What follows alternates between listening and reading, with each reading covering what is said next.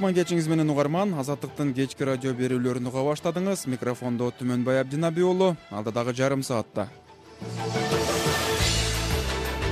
Баш прокурор депутат адахан мадымаровду жоопко тартуу үчүн парламенттен уруксат сурады. Мына мага дагы азыр чагылгандай болуп жаңылык болуп атат. Мындай бир айтып койсоңор эмне маселе? Эмне? Аба кыргыз абасынан жутуп атат деген маселеси бар бекен же суусун ичип коюп атат деген эмне маселе экен ал арада кемпир абад иши боюнча тергөө жети айдан кийин аяктаганы маалым болду. Бул иште кылмыш курамы жок деп дагы мына бүт адвокаттар айтып атат алдыда ушул жана башка темадагы эл аралык баяндарды дагы уга аласыз биздин толкунда болуңуз. Эфирдин башында дүйнөдөгү жана кыргызстандагы соңку жаңылыктарды эрнест нурматовдон уксак рахмат саламатсызбы. Башкы прокуратура мадымаровду жоопко тартуу үчүн парламентке сунуш берди. Жогорку кеңештин төрагасы нурланбек шакиев парламенттин отуз биринчи майдагы жыйынында депутат адахан мадымаровду кылмыш жоопкерчилигине тартуу боюнча башкы прокуратурадан сунуш түшкөнүн билдирди.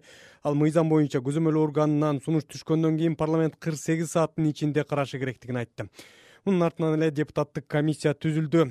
Башкы прокуратуранын сунушунда мадымаровду кылмыш жаза кодексиндеги отуз алтынчы берене кылмышка даярдык көрүү эки жүз жетимиш сегизинчи берене массалык башаламандыктар жана э, үч жүз жыйырма алтынчы берене бийликти күч менен басып алуу үч жүз отуз сегизинчи берене бийликтен аша чабуу боюнча да э, жоопко тартуу үчүн уруксат суралган депутат адахан мадымаров мунун артынан эле басма сөз жыйынын өткөрүп өзүнө козголгон кылмыш иштерин комментарийледи. Эл өкүлү бул иштер толугу менен саясий негизде козголгонун билдирип аны кемпир абад иши менен байланыштырды.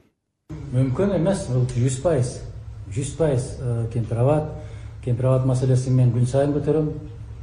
Э, эске да салып кетип баратам кемпир абад маселеси бул могул бийликтин түбөлүктүү түбөлүктүү э, маңдайына жазылып калган кылмыш болот башкы прокуратура ушуну менен адахан мадымаровду кылмыш жоопкерчилигине тартуу үчүн парламенттен экинчи жолу уруксат сурап жатат. Мадымаров эки миң тогузунчу жылы коопсуздук кеңешинин катчысы болуп турган учурда кол койгон кыргыз тажик чек арасы тууралуу протоколго байланыштуу былтыр он төртүнчү январдан тарта күбө катары сурала баштаган. Ага чыккынчылык боюнча айып тагылганын азаттыкка өзү билдирген. Парламент кийин мадымаровдун ишине байланыштуу түзүлгөн депутаттык комиссиянын аны жоопко тартууга уруксат бербеген чечимин колдогон кемпир абад иши боюнча камакка алынгандардын адвокаттары отуз биринчи майда бишкекте басма сөз жыйынын өткөрүп тергөө органдарына жана коомчулукка кайрылуу жолдошту биргелешкен маалымат жыйынында алар. Кылмыш иши козголгондон бери айыпталуучулардын конституциялык укуктары жана адилеттик адилеттүү соттук териштирүүнүн негизги эрежелери бузулуп жатканын айтышты. Иш боюнча сот чечими чыга электигин эскертип шек саналып жаткандарды кылмышкер деп атоодон карманууга да чакырышты. Адвокаттардын бири канат касанов президент садыр жапаровдун айыпталгандардын дарегине карата айткан сөзүн сынга алды талапкерлер менен кезигип атканда биздин президентибиз дагы ошону кылмыш деп туруп айтты. Кылмышкерлер деп айтып атат. Бүгүнкү күнү соттун чечими жок болгондон кийин эч ким аларды кылмышкер деп айтканга укугу жок.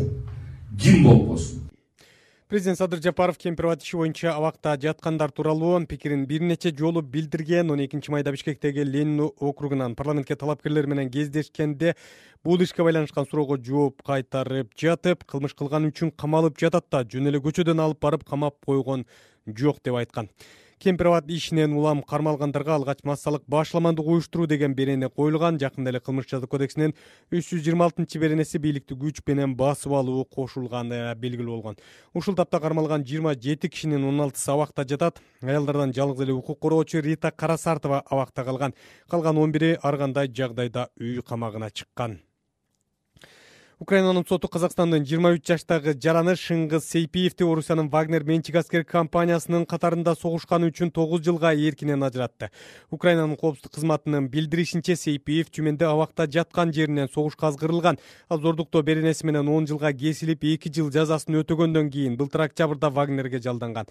Ага айына эки жүз миң рубль орусиянын жарандыгын жана соттуулугун жоюуну убада кылышкан акчасын келишим аяктагандан кийин алмак. Бир аз даярдыктан өткөн соң сейпиев кошулган жоочулар бөлүгүн бахмутка жөнөтүшкөн. Бир жума өтпөй аны украина аскерлери туткунга алган украинада орус тарапта канча казакстандык согушуп жүргөнү беймаалым. Азаттыктын казак кызматы согуш башталганда казакстандын эки жараны мерт кеткенин жазган түндүк кореянын космоско чалгындоо спутнигин чыгаруу аракети ишке ашпай баллистикалык ракета деңизге кулады.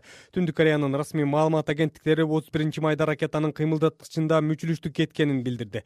Түштүк кореянын аскерлери ракетанын калдыктары сары деңизге түшкөнүн ырастап калдыктардын сүрөттөрүн жарыялашты ракетаны учуруу алдында пхеньян акшнын жана союздаштарынын аскердик аракеттерине көз салууда спутник чоң мааниге ээ экенин билдирген. Бул пхеньяндын космоско спутник чыгаруу боюнча эки миң он алтынчы жылдан берки аракети. Баллистикалык ракетанын учурулушу түштүк кореяда жана жапонияда тынчсыздануу жаратты. Түндүк кореянын бул кадамын акш жапония жана бириккен улуттар уюму кескин сынга алды путин москвага болгон соккуну киевдин жообу деп атады. Орусиянын президенти владимир путин москвага учкучсуз учактардын чабуулу тууралуу маалымат берди. Ал украинанын аскердик чалгын кызматына сокку урулгандан кийин киевден ушундай жооп болгонун айтты. Киев москвага соккурду деген дооматты моюнга алган жок. Президенттин сөзүн мамлекеттик телеканалдар көрсөттү. Москва биринчи жолу украинанын коргоо министрлигинин башкы чалгын кызматына чабуул койгонун жарыялап жатат.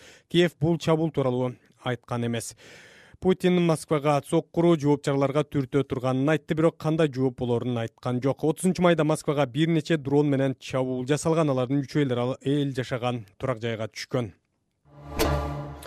Анык эмес маалыматтан коргоо жөнүндө мыйзамга өзгөртүүлөрдү киргизүү тууралуу документ жогорку кеңештин э, бүгүнкү жыйынында биринчи окууда колдоо таппады.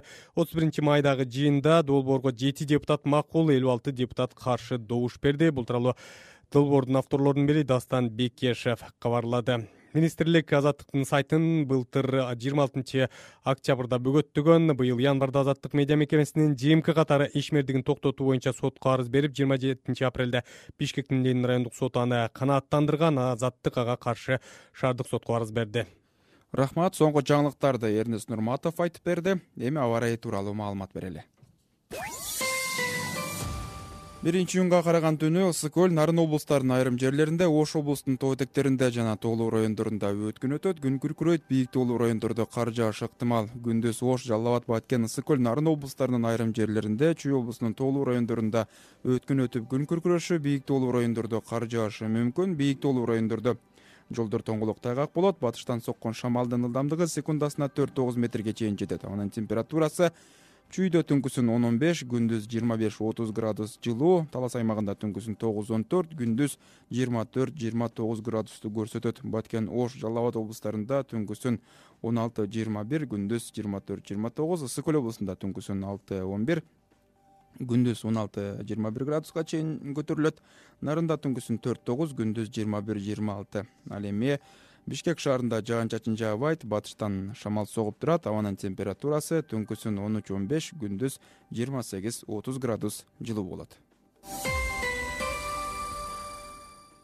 Азаттыктын кечки радио берүүлөрүн угуп жатасыз. Эми э, саясий темага кайрылсак кабарчыларыбыздын баяндарына өтөлү парламенттин отуз биринчи майдагы жыйынында оппозициячыл бүтүн кыргызстан фракциясынын лидери адахан мадымаровду кылмыш жоопкерчилигине тартуу боюнча башкы прокуратурадан сунуш түшкөнү белгилүү болду. Азырынча кайсы иш боюнча саясатчыны жазага тартуу аракети болуп жатканы расмий айтыла элек ушул эле күнү түштөн кийин адахан мадымаров маалымат жыйынын өткөрүп аны жоопко тартуу аракетин толугу менен саясий иш деп баалап президент баш болгон бийликти айыптады. Оппозициячыл саясатчыны жоопко тартуу аракетинин артында эмне турат? Бул теманы азыр айбек бийбосунов студиядан баяндап берет айбек сөз сизде рахмат түмөнбай саламатсызбы угарман? Башкы прокуратура бийликтин негизги атаандашы адахан мадымаровду төрт берене боюнча жоопко тарткысы келет. Биз тизмектей турган болсок алар кылмышка даярдык көрүү массалык башаламандыктар бийликти күч менен басып алуу жана бийликтен аша чабуу беренеси. Эми мадумаровдун депутаттык кол тийбестигинин тагдырын сегиз депутаттан турган комиссия чечет. Аларга мекенчил депутаттык тобунан мирлан самыйкожо ханжаза карим ал эми ата журт кыргызстандан кундузбек сулайманов ишенимден миргүл темирбаева бүтүн кыргызстандан гүлия кожокулова ынтымактан мурадил садыков ыйман нурунан динара ашымова жана альянс фракциясынан фаркотбек исмаилов кирди депутаттык комиссия жакынкы арада ишин баштап ушул мадумаровдун айланасында байланыштуу материалдарды жана ошондой эле фактыларды прокуратурадан сурап андан кийин өзүлөрүнүн чечимин жалпы жыйынга алып чыгышы керек болот. Андан кийин анан депутаттар э, добуш бере турганын белгилей кетели. Прокуратуранын бул сунушуна мадумаров дароо үн катып журналисттерди жогорку кеңештин маалымат борборуна чогултту ал көзөмөл органынын бул аракетин саясий иш деп баалап анын артында бийлик турарын билдирди. Ошондой эле эгерде анын кол тийбестиги алына турган болсо кылмыш ишин козгоого уруксаат бериле турган болсо анда прокуратуранын негизи эле тергөөнүн ачык адилеттүү жүрүшүнө түк ишенбей турганын билдирди бийликти күч менен басып алуу деп мен канча жолу айтам айланайын эшигиңди ачып койсо дагы сүйрөсөң да кирбейт өздөрү айтып атпайбы мадумаровго канча сунуш кылдык такыр болбой атат деп. Анан кантип анан бийликти күч менен басып алуу? Чакырса барбаган жерге мен күч колдонуп барам. Бийликтен аша чабуу деп үч жүз отуз сегиз менде кайсы бийлик бар экенин силер айтып берсеңер мен ошону менен колдоноюн жана саясий деп айтканга болобу дегениңизге бул жүз пайыздан жүз эсе көбүрөөк саясий бул жерде тек гана саясат. Саясат дагы бир жолу саясат биз жогоруда тизмектеген төрт берененин ичинен массалык башаламандыктар э, беренеси адахан мадумаровдун пикири боюнча кемпир абад ишине байланыштуу болушу толук мүмкүн деп болголойт. Буга чейин дал ушул иш боюнча отузга жакын саясатчы активист камалган учурда тергөө документтерине мадумаров жана анын пикирлеши дагы бир депутат исхак масалиевдин аты көрсөтүлүп бирок эч кандай чара көрүлгөн эместигин эсиңиздерге салып кетели. Ушул кемпир абад маселеси боюнча адахан мадумаров козголгон ишинин бири тиешелүү экенин айтып жана ошондой эле. Бирок кылмыш иши козголгону менен э, кемпир абад маселеси боюнча эч кандай пикиринен э, позициясынан тайбай турганын билдирди. Адамдын башында бир жашоо. Мен айтам колуңардан келгенин жасап алууга дагы керек болсо күндү батыштан чыгарып алгыла бирок менин пикирим кылдай кыйшайбайт кылдай кыйшайбайт кемпир абад туура эмес чечилген. Кемпир абад боюнча камакта отургандардын бүтүндөй баары мыйзамсыз отурат. Кемпир абад бул эч качан эч качан булардын тарыхынан өчпөйт.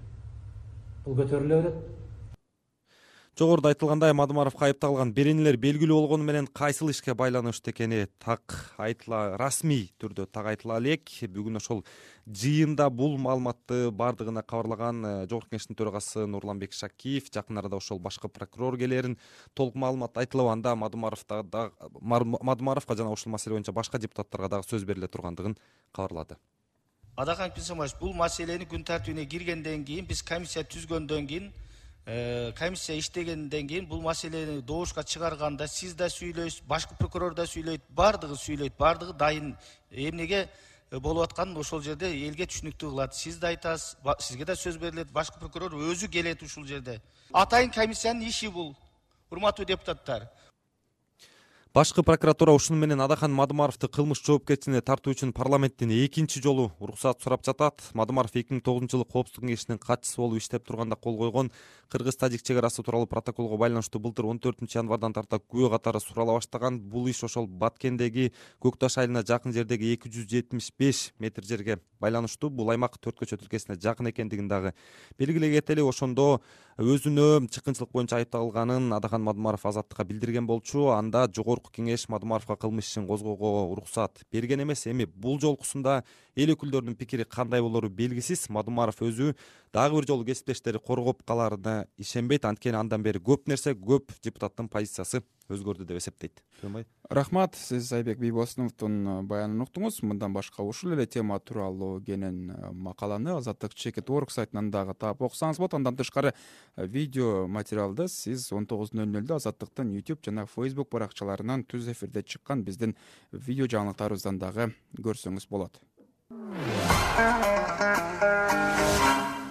башка темалардан кемпир абад иши боюнча тергөө аяктады. Бул тууралуу тергөө абагында камакта отургандардын адвокаттары бишкектеги маалымат жыйынында билдирип бийлик жана күч органдарына кайрылуу жасашты. Бүгүн уюштурган басма сөз жыйында алар айыпталуучулардын конституциялык укуктары жана адилеттүү соттук териштирүүнүн негизги принциптери бузулуп жатканын белгилешти. Дээрлик жети айдан бери камакта отургандардын жакындары болсо азыр эң кыйын күндөрдү башынан кечирүүгө аргасыз экенин дагы айтууда темага кундуз кызылжарова кайрылат толгонай солтонова жети айдан бери беш баласын жалгыз багууга аргасыз анын күйөөсү талас облусунун мурдагы башчысы айбек бузурманкуловго кемпир абад ишине байланыштуу бийликти күч менен басып алууга аракеттенүү жана массалык башаламандыктар беренелеринин негизинде айып тагылып былтыр октябрь айында камакка алынган. Толгонай жашы жете элек балдар менен үйдө отуруп насыя ипотека өңдүү маселелерди чечүү абдан кыйын болуп атканын жашырган жок. Апама кыйын болуп атат да азыр капельница алып кудайдан сурап эле рассрочка болуп аябай мындай кооптуу болуп атат ал жактагы.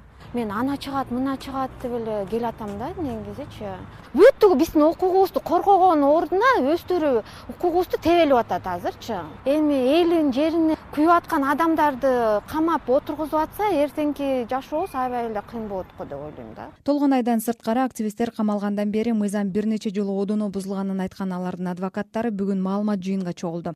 Активист блогер укук коргоочу журналист жана саясий ишмерлерди коргоп жаткандар кылмыш иши козголгондон бери айыпталуучулардын конституциялык укуктары жана адилеттүү соттук негизги принциптери бузулуп жатканын белгилеп мамлекеттик органдарга кайрылышты. Адвокаттар тергөө бүткөнүнө карабай иштин материалдары менен тааныштыруу болбой жатканына да нааразылыгын билдирди. Алардын арасында айып тагылган асия сасыкбаеванын адвокаты рабига садыкова да бар. В деле сплошь и рядом нарушаются права не только обвиняемых но теперь уже и адвокатов ишке байланыштуу камакта отургандардын гана эмес адвокаттардын да укугу бузулуп атат. Азыр тергөө жыйынтыкталганы тууралуу айтылганы менен иштин материалдары менен адвокаттарды тааныштыруу жетиштүү деңгээлде жүрбөй жатат. Бул жазык процессуалдык кодексинин элүү үчүнчү беренесинин тогузунчу бөлүмүнүн бузулушуна алып келүүдө адвокаттын укуктарына ылайык ал иштин баардык материалдары менен таанышып көчүрмөсүн алат. Бирок иш жүзүндө андай эмес. Муну биз адвокаттын ишмердүүлүгүнө тоскоолдук жаратуу катары баалап жатабыз. Это не что иное как воспрепятствование адвокатской деятельности.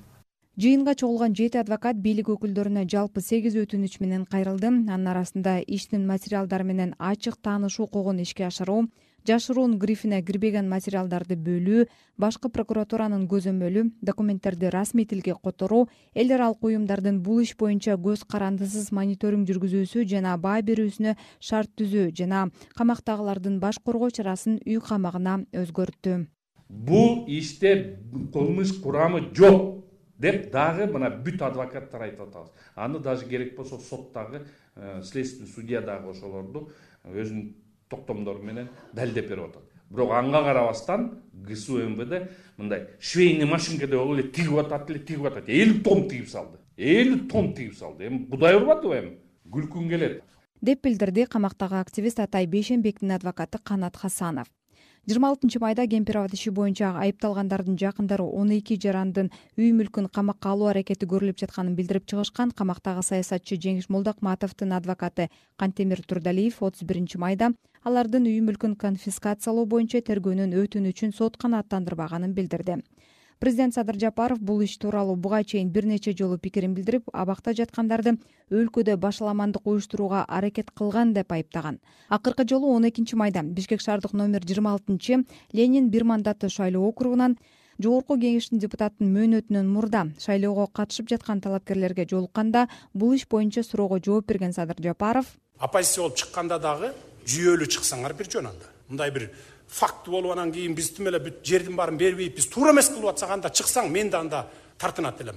Койгоку булар деги туура эле чыгып атат депчи. Ички иштер министрлиги шектүүлөрдүн айыбы боюнча далил жетиштүү экенин билдирип келет камалгандар мунун баарын саясий куугунтук деп атап келет. Камалганга чейин алар кемпир суу сактагычынын жеринин өзбекстанга берилишине каршы чыгып кемпир коргоо комитетин түзүшкөн. Ушул тапта кармалган жыйырма жети кишинин он алтысы абакта жатат аялдардан жалгыз эле укук коргоочу рита карасартова абакта калган. Калган он бир киши ар кандай жагдайда үй камагына чыккан. Кылмыш ишин козгоого алардын кемпир суу сактагычы боюнча жыйырма экинчи октябрда бишкектеги кафелердин биринде өткөргөн жыйыны негиз болгону айтылган. Кундуз кызылжарова азаттык бишкек эми учка жаңылыктарды айтып берели. Түндүк кореянын космоско чалгындоо спутнигин чыгаруу аракети ишке ашпай баллистикалык ракета деңизге кулады. Башкы прокуратура мадымаровду жоопко тартуу үчүн парламентке сунуш берди. Путин москвага болгон соккуну киевдин жообу деп атады эл аралык темаларга кайрылсак орусия украинага чабуул койгондон бери төрт жүз сексен үч бала каза болуп тогуз жүз сексен тогуз бала ар кандай деңгээлде жаратылды бул тууралуу украинанын башкы прокуратурасы билдирди. Эң көп бала донецк харьков жана херсон облустарында жапа чеккен. Ал арада орусиянын украина менен чектеш белгород облусунан балдар эвакуациялана баштады. Соңку эки күндө орусияда да дрон чабуулдары болуп москва муну киевден көрүүдө. Украинага тиешеси жоктугун белгилеп өз аймагын коргоп жатканын билдирген теманы санжар эралиев улантат украинанын күч кызматкерлери донецк облусундагы балдарды тынч аймактарга көчүрүп жатканы тартылган кадрларды рейтерс агенттиги отузунчу майда жарыялады. Бул сенин сумкаңбы же оюнчукпу ооба бул сумка. Анын ичинде телефон бар. Ну хорошо. А жакшы. Бул туура. Жаныңда дайыма телефон болушу керек. Орусия украинага чабуул койгондон бери төрт жүз сексен үч бала каза болуп тогуз жүз сексен тогузу ар кандай деңгээлде жараат алганын украинанын башкы прокуратурасы билдирди. Эң көп бала донецк харьков жана херсон облустарында жапа чеккен. Бийлик согушта жабыр тарткан жеткинчектердин саны мындан көп болушу мүмкүндүгүн четке какпайт биз фронттогу шаардан балдарды эвакуациялап туугандарына алып барып жатабыз. Адегенде медициналык текшерүүдөн өтүшөт аткылоого кабылбаш үчүн машинени өтө ылдам айдап кетишибиз керек. Деди украиналык аскер ал арада орусиянын украина менен чектеш. Белгород облусунан балдар эвакуациялана баштаганын жергиликтүү бийлик отуз биринчи майда билдирди. Облустун губернатору вячеслав гладков эки райондон балдар воронеж шаарына жөнөтүлөрүн маалымдады. Бир күн мурун аймакта аткылоодо бир киши каза болгону кабарланган. Орусия бул аткылоону киевден көрүп жатат. Украина буга комментарий берген жок шаршемби күнү орусиянын мамлекеттик телеканалдары украина менен чектеш белгород облусунда элге азык түлүк таратылганын жана жапа чеккендер ооруканада жаткан кадрларды көрсөттү. Муж начал кричать и мне күйөөм атпагыла деп кыйкырды. Машинеде балдар бар экенин айтты. Бирок алар ар тараптан аткылашты мага ок тийди. Балдар аябай коркуп кетишти. Дверь в меня попали. Деди жергиликтүү тургун олеся шматко отузунчу майда москвага бир нече дрон менен чабуул жасалганы кабарланган. Алардын үчөө эл жашаган турак жайга тийип калганы атып түшүрүлгөнү айтылган. Орусиянын президенти владимир путин украинанын аскердик чалгын кызматына сокку урулгандан кийин киев москвага чабуул коюуга өткөнүн айтты. В ответ как известно киевский режим. Буга жооп кылып киев режими башка жолду тандап алды. Орусияны коркутууга аракет кылуу орусиянын элин коркутуу турак жайларга сокку уруу жолун тандады бул террордук аракетке тете конечно. Явный признак э, террористический москва биринчи жолу украинанын коргоо министрлигинин башкы чалгын кызматына чабуул койгонун жарыялап жатат. Киев бул чабуул тууралуу айткан эмес. Украина кремль койгон дооматты моюнга алган жок. Президент владимир зеленскийдин кеңешчиси михаил подоляк москвага урулган соккуга киевдин эч кандай тиешеси жок экенин билдирди путин москвага сокку уруу жооп чараларга түртө турганын айтты бирок кандай жооп болорун тактаган жок. Орусиялык армия киевке өткөн жылдан бери чабуул жасап келет. Эки миң жыйырма үчүнчү жылдын май айында эле он жети жолу ушундай сокку урулган зеленский бир күн мурун жергиликтүү бийликтерге кайрылып баш калкалоочу жайларды жеткиликтүү болушун камсыздоого чакырды мени жергиликтүү бийлик башчылары түрдүү жамааттар угушун каалайм шаарларда баш калкалоочу жайлар жеткиликтүү болууга тийиш адамдар андай жайлар бар экенин качан жана кандай шартта баш калкалоочу жайлар көбөйтүлөрүн түшүнүшү керек? Бул кызмат адамдарынын милдети жана жоопкерчилиги. Бириккен улуттар уюмунун маалыматы боюнча эки миң жыйырма экинчи жылдын жыйырма төртүнчү февралынан быйыл сегизинчи майга чейин украинада сегиз миң жети жүз токсон бир жай тургун набыт болуп он беш миңге жакыны жараат алды бириккен улуттар уюму курмандыктардын чыныгы саны алда канча көп болушу мүмкүн деп эсептейт. Согуш маалында эки тараптын тең жоготууларынын санын аныктоо мүмкүн эмес. Санжар эралиев азаттык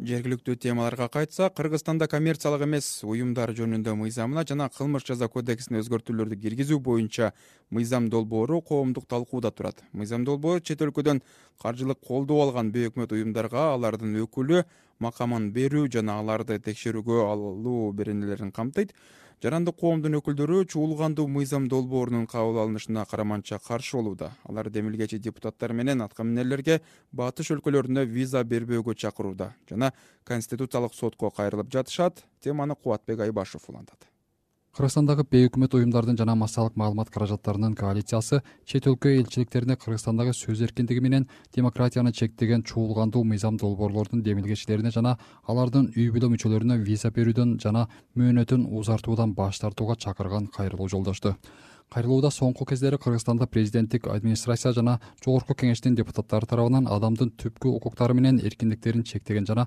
демократиялык алкакты таарыткан аракеттер кызуу жүрүп жатканы белгиленген. Учурда коммерциялык эмес уюмдар жөнүндө мыйзамга жогорку кеңештин отуз үч депутаты тарабынан өзгөртүүлөр киргизилип коомдук талкууга чыгарылган анда чет өлкөдөн каржылык колдоо алган бейөкмөт уюмдардын ишин тескеген өзгөчө жоболор бар. Мыйзам долбоорунун негиздеме справкасындагы маалыматка ылайык бишкек шаарында эле он сегиз миң беш жүз ар түрдүү коммерциялык эмес уюмдар катталган. Алардын олуттуу көпчүлүгү мамлекеттин саясий жашоо турмушуна кийлигишип анын ичинде мамлекеттик бийлик органдарынын өлкөнүн туруктуу өнүгүү максаттарындагы ыраттуу жана максаттуу өнүгүүсүнө карама каршы келген чечимдерди кабыл алуусу үчүн коомдук пикирди түзүүгө умтулушуп кыргыз республикасында саясий акцияларды уюштурууну жана өткөрүүнү каржылоо жолу менен катышышууда. Деп жазылган негиздеме справкада талкуудагы мыйзам долбоору коммерциялык эмес уюмдар жөнүндө мыйзамда чет өлкөлүк өкүлдүн милдетин аткаруучу коммерциялык эмес уюм деген түшүнүктү киргизүүнү максат кылат. Ал түшүнүккө чет өлкөлүк мамлекеттерден алардын мамлекеттик органдарынан эл аралык жана чет өлкөлүк уюмдардан акча каражаттарын жана башка мүлктөрдү алган.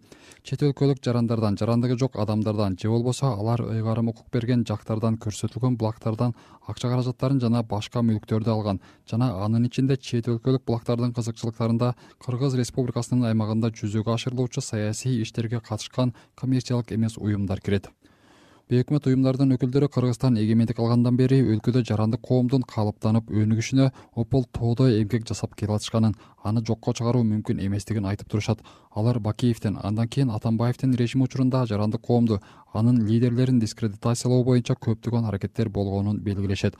Ага карабай кыргызстандагы күчтүү жарандык коом кайра кайра кайталанган ыңкылаптар пандемия кыргыз тажик кагылыш өңдүү кризистик учурларда демилгени колуна алып кырдаалды жөнгө салууга эбегейсиз салым кошушканын мисал келтиришет. Жарандык жигердүүлүк коомдук фондунун жетекчиси аида курбанова мыйзам долбоору бейөкмөт уюмдардын ишмердигин туш тараптан чектейт деген пикирин билдирди. Мыйзам бул мыйзам э, сөзсүз турда баягы мамлекеттик эмес уюмдарга абдан чоң э, терс таасирин тийгизет. Көбүнчө баягы правозащита менен иштеген саясий бир кандай чечимдерге таасир эткен уюмдар сөзсүз турда абдан баягы уязвимый болуп калышат да. Там очень много таких знаете непонятных. Ал жерде өтө көп түшүнүксүз чар жайыт нерселер бар. Саясий ишмердик абдан жалпыланып жазылган. Уюмдун кайсы ишмердиги болбосун эгерде кайсы бир мыйзамга муну же тигини киргизбөөнү сунуштасаң эле басым саясий ишмердик болуп эсептелип калат. Санкцияланбаган текшерүүлөр бардык ички иш чараларга катышуу сыяктуу нерселер да бар. Биз отчет берүүдөн коркпойбуз бирок кайсы эле мамлекеттик орган болбосун келип туура эмес иштеп атасың деп жаап киргени да ашкере дискриминация болуп калат. Бейөкмөт уюмдар үчүн кылмыш жоопкерчилигин кароо буга чейин эч качан болгон эмес. Ачыгын айтканда мен үчүн бул абдан кызык болууда никогда такого не было. Это вообще впервые. Для меня это очень странно бир дүйнө кыргызстан бейөкмөт уюму демилгеленген мыйзам долбоору боюнча конституциялык сотко кайрылган. Уюмдун жетекчиси төлөйкан исмаилова мыйзамдын демилгечилери өлкөдөгү жарандык коомду алсыратуу боюнча орусиянын авторитардык тажрыйбасын колдонууга аракет кылып жатышат деп эсептейт. Социалдык экономикалык жана башка бир көйгөйлүү нерсенин баарын жардам берип иштеп келатабыз банктан баштап э, налоговый инспекцияга чейин ачыкпыз мына бүгүнкү ошо отчеттөрдү отуз үч депутат кайта конституция кылып салып атат. Бул деген аябай чоң кылмыш анткени өзүнүн элине өзүнүн жерине өзүнүн жарандарына кол салган депутаттар ошон үчүн биз э, конституциялык сотко кайрылганбыз. Жетинчи июнда э, конституциялык соттун отуруму болот. Отурум болгон. Биринчиси андан мурун дагы жарым жыл консультация болгон. Азыркы отуз үч депутаттын инициативасын бул таптакыр э, кыргызстан ичине эч кандай тиешеси жок. Бул деген ошо чыккынчылар ушу э, кремлди караган путинди караган башка бир коррупциялык өзүнүн бир жеке ушундай бир экономикалык э, программалары бар. Ушундай изилдеген отуз үч депутатты биз мынакей аракет кылып атабыз жана э, сотко да берип атабыз. Мыйзамдын жаңы редакциясында чет өлкөлүк өкүлдүн милдетин аткаруучу коммерциялык эмес уюмду жылына бир жолу пландуу текшерүү белгиленген май айынын соңунда эл аралык коммерциялык эмес укук борбору демилгеленген мыйзам долбоору боюнча укуктук талдоосун жарыялады. Анда мыйзам долбоорунун тексти орусиядагы чет өлкөлүк агенттер жөнүндө мыйзам долбооруна дээрлик окшош экендиги болгону агент деген сөз өкүл деген сөзгө алмаштырылганы белгиленген уюм демилгеленген мыйзам долбоору өлкөнүн баш мыйзамына да жарандык жана саясий укуктар жөнүндө эл аралык пактынын жоболоруна да каршы келерин. Эгерде кабыл алынып калса кыргызстанда демократиялуу эмес өлкөнүн имиджи калыптанарын эскерткен. Мыйзам долбоору боюнча кыргызстандагы адилет укуктук клиникасы да өзүнүн терең талдоосун чыгарган. Кубатбек айбашев азаттык урматтуу угармандар ушуну менен азаттыктын отуз биринчи майдагы кечки берүүлөрүн жыйынтыктайбыз. Эфирден кеткен баяндарды азаттык чекит орг сайтынан дагы макала түрүндө окусаңыз болот. Берүүнү мен түмөнбай абдинаби уулу алып бардым. Жаңылыктарды эрнест нурматов айтып берсе эфирдик пультту даниил бекбоев башкарды кечиңиздер көңүлдүү улансын. Аман туруңуздар